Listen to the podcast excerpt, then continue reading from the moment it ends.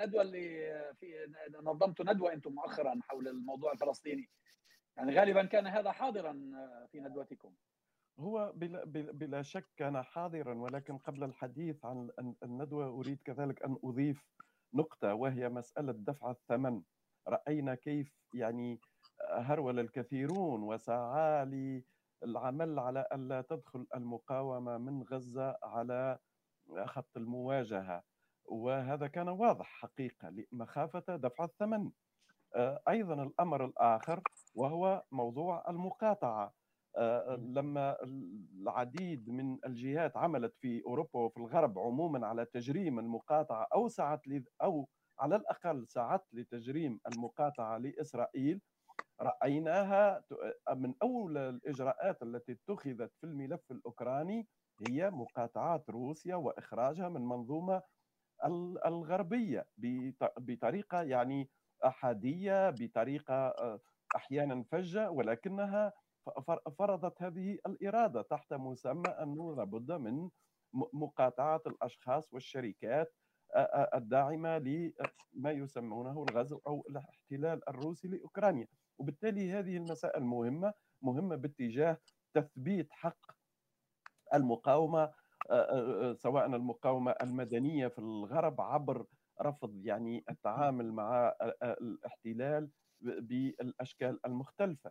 بالعودة للمؤتمر المؤتمر هذا هو المؤتمر الثاني مؤتمر مسارات للقضية الفلسطينية مسارات مختلفة الحقيقة. المؤتمر الأول انعقد في شهر أكتوبر الماضي يعني منذ ستة أشهر تقريبا.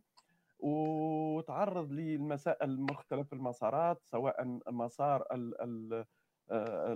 القدس والتهويد ويعني هذا أحد المسارات مسار المصالحة الفلسطينية يعني إلى أين وصلت؟ مسار الأقصى الأسرى والإجراءات القانونية بحق ملف الأسرى والمسار الرابع وهو الآليات الدولية في التعامل مع هذه الملفات المختلفة.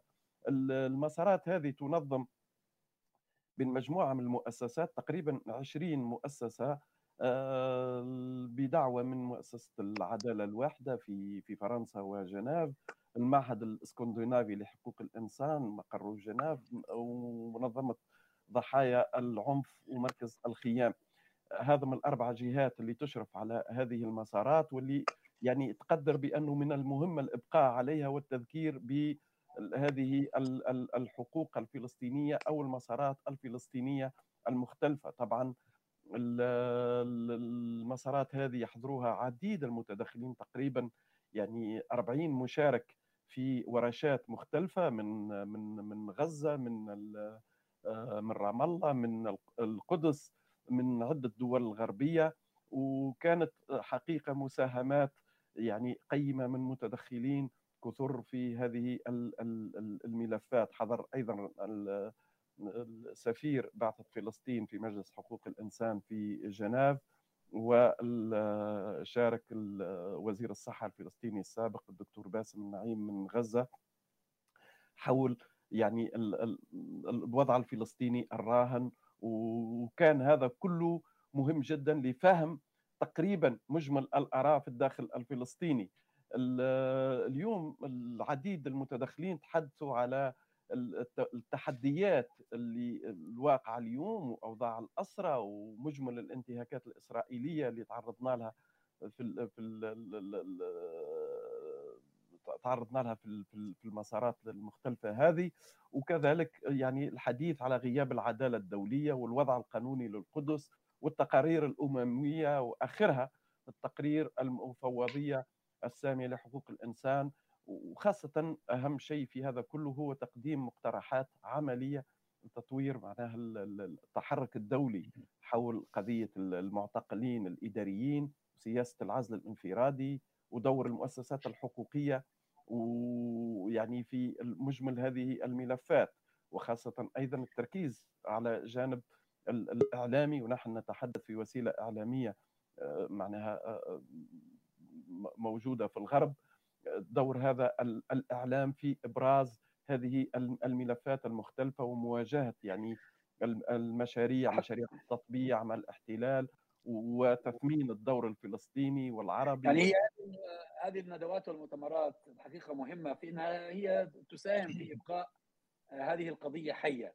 نعم. وأيضا تطرح مسائل مهمة لكن بتهيألي أنا إنه آه، من القضايا التي نحتاج إلى أن نطرحها عندما نناقش ما يجري في فلسطين هي الارتباط العضوي بين قضية فلسطين وقضية نهضة الأمة. أنا لا لا لا أتصور أنه يمكن الفصل بين القضيتين. ونحن لدينا تجربة قريبة اللي هي ثورات الربيع العربي.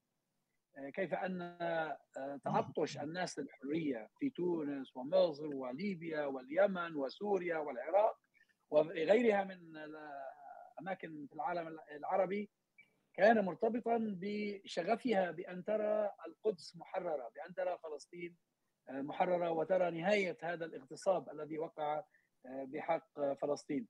وأنا بت أخشى أن هذه الأيام بسبب عودة المحاور القديمة أن الناس ما عادت تربط بين الأمرين أو ترغب في الربط بين الأمرين، يعني نحن الآن لاحظنا إنه رجع محور الممانعة في مواجهة محور الاعتدال أو التطبيع. بينما الحقيقة محور الممانعة هو محور مصطنع لأنه لا يمكن أن أنا شخصيا أن أحسب على الممانعة نظام يضطهد شعبه يقهر شعبه. يفتك بالأبرياء من من أبناء الشعب السوري أو الشعوب الأخرى. أو أحسب إيران على جبهة الممانعة وهي تنكل بالعرب وبالمسلمين في في أماكن مختلفة. ف بتهيألي أنا إنه إحنا بحاجة أن نبقي هذا الربط قائما بين قضية تحرير فلسطين وقضية نهضة الأمة العربية والإسلام. وهذا هذا الربط يا دكتور عزام أعتقد إنه ليس فقط ربطا في الوقت الحاضر الحديث. يعني حتى من الناحية التاريخية دائما كان هناك ارتباط ما بين موضوع فلسطين وبين الأمة. يعني عندما نراجع حلقات التاريخ نجد أنه عندما كانت فلسطين تضيع وتحتل من قبل الاحتلال سواء كان الصليبي أو وغيره من الاحتلالات.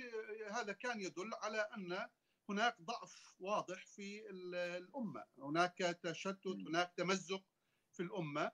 ولما استطاع مثلا صلاح الدين أن يقوم بجمع مصر والشام في جبهة واحدة، استطاع أن يعود ويحرر بيت المقدس بعد تقريبا 90 سنة وفلسطين من الاحتلال، المقصود في كل هذا أن بالفعل أن الشعب الفلسطيني بجبهاته المختلفة سواء كان الشعبية أو المقاومة يعني بجميع أنواع المقاومة 48 غزة الضفة الغربية وغيرها لا شك أنه يعني رقم أساسي جدا في المعادلة في الوقوف أمام هذا الاحتلال. وأنا حقيقة من قراءاتي لبعض التحليل المقالات الصهيونية أجد أنهم يحسبون حسابا للشعب الفلسطيني وبالذات في طبعا المقاومة في غزة وكذلك الفلسطينيين الموجودين المرابطين في القدس وفي مناطق ال 48 الضفة الغربية عدد الذي يستطيع أن يصل القدس عدد قليل لأنهم يمنعون الشباب تحت سن 40 من الوصول إلى الأقصى. وبين سن 40 و 50 يجب أن يحصل على تصريح والذي يسمح له ما بين سن بعد سن 50 أو حتى سن 60 يعني الناس كبار السن. أقصد أن هذا الاحتلال المعادلة الوحيدة التي تردعه بالإضافة إلى المكملات الأخرى في الأمة والمظاهرات والمعادلة الوحيدة هو الألم الذي ينبغي أن يصاب به هذا الاحتلال من خلال المقاومه الداخليه. كلما أطلقت يد المقاومة بكل أنواعها في داخل فلسطين المحتلة فإنه يتراجع عن هذه الاعتداءات ويحسب ألف حساب يعني أعطي مثالا اليوم كان في هناك تهديدات من المقاومة في غزة من المقاومة في الشعبية من مظاهرات في داخل الأرض المحتلة. عدد المستوطنين الذين اقتحموا الأقصى اليوم يقال أنه حوالي 600 بينما المخطط له حتى الذي كان في الأعوام الماضية كان بالآلاف. يعني يدخل 1500 2000 وهم مخططين أنه كلما يعني يعني كل وقت يزيد العدد حتى يصبح شيئا طبيعيا. اليوم أنا رأيت مناظر عجيبة جدا. المناظر العجيبة أن الشرطة الصهيونية نفسها تنزع الأعلام الإسرائيلية من أيدي المستوطنين داخل الحرم. تنزعها وتلفها بسرعة لأنها لا تريد أن يرفعوا علم. هؤلاء الذين كانوا يقتحمون بأعداد قليلة آه، كل فترة يقتحم مجموعة 20 30 20 30 40 50 100 يقتحمون بأعداد من الشرطة والجيش أكثر من أعداد فإذا ما قام احدهم برفع علم فكانوا ينزعونه منه بسرعة. هذه المعادلة الأساسية هي المعادلة التي ينبغي أن تبقى موجودة معادلة إطلاق يد المقاومة ودعمها في داخل الأرض المحتلة لأنها الوحيدة القادرة على أن تبدأ هذا الاحتلال. طبعا لا يمكن الاستغناء عن بقية الجبهات لكن كلها مكملة. هو في في نقطة اللي ذكرتها دكتور عزام اللي هي الترابط ما بين نهضة الأمة وما بين الموضوع الفلسطيني. أنا أراها أنها يعني ليس ليس فقط أن نهضة الأمة ضرورية لتحرير فلسطين ولكن أيضا إن عدم تحرير فلسطين هو أحد عوائق أو معوقات نهضة الأمة. بمعنى نحن نحتاج في إطار معركه الوعي اللي تحدث عنها دكتور أنور سابقا أن نعيد الأمور إلى نصابها وأن نقول بأن هذا الصراع ليس صراعا فلسطينيا اسرائيليا. هذا صراع عربي مع الاستعمار وعنوان الاستعمار هنا هو إسرائيل. ولذلك حينما نتحدث كنا نتحدث عن المعايير المزدوجة هي الحقيقة مش معايير مزدوجة هم هم يتعاملون مع هذه الدولة على أنها رأس حربتهم في السيطرة على المنطقة. هذه المنطقة مهمة للغرب لعوامل كثيرة أهمها الإسلام والنفط. حاولنا نجمل ولا ما نجملش في الصراع حضارات وغيره. في النهاية هم لديهم مشكلة مع الإسلام كبعد حضاري مش كدين كبعد حضاري بوتنشال يعني ك مش عارف شو أسميه يعني لديه القدرة لديه القدرة والقابلية. على إنه يسبب مشاكل لهم في المستقبل وأيضا موضوع البترول. وبالتالي إحنا يعني ضروري إعادة هذا هذه النقطة إلى أصلها بأن هذا الصراع هو صراع عربي إسرائيلي. من هنا الأمر مكتمل. يعني لذلك حتى في الثورات العربية دولة الاحتلال كانت حريصة على عدم نجاحها. حتى في سوريا بالمناسبة. في سوريا يعني بغض النظر عن إجرام النظام وحلوله الدموية ورفضنا وإدانتنا الكاملة له هو لم يكن نظاما مريحا لدولة الاحتلال. ولكن مع ذلك دولة الاحتلال أو غالبية المكون السياسي والفكري في دولة الاحتلال كان ضد نجاح الثورة السورية. هو كان مع وصول الثورة إلى حرب بين النظام وبين القوى الأخرى بحيث تضعف الدولة ولا تنتصر الثورة لأنهم يدركون بأن أي تغيير ديمقراطي أو خلي ربما صرنا نبالغ كثير في كلمة الديمقراطي ولكن أقول في شرعية الأنظمة.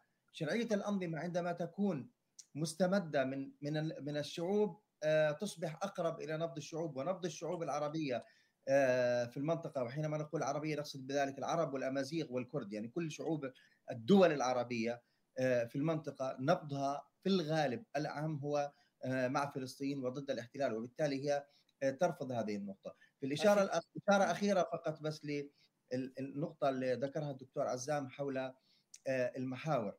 الآن المشكلة أننا في في في وضع لا ليس هناك فيه محور جيد.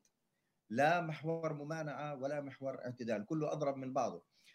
ولذلك القوى الحية يجب أن تسعى أن تساهم في إحداث مصالحات في المنطقة. وإن كان دورها بسيط ولكن أن تحاول في في إحداث مصالحات تاريخية في المنطقة.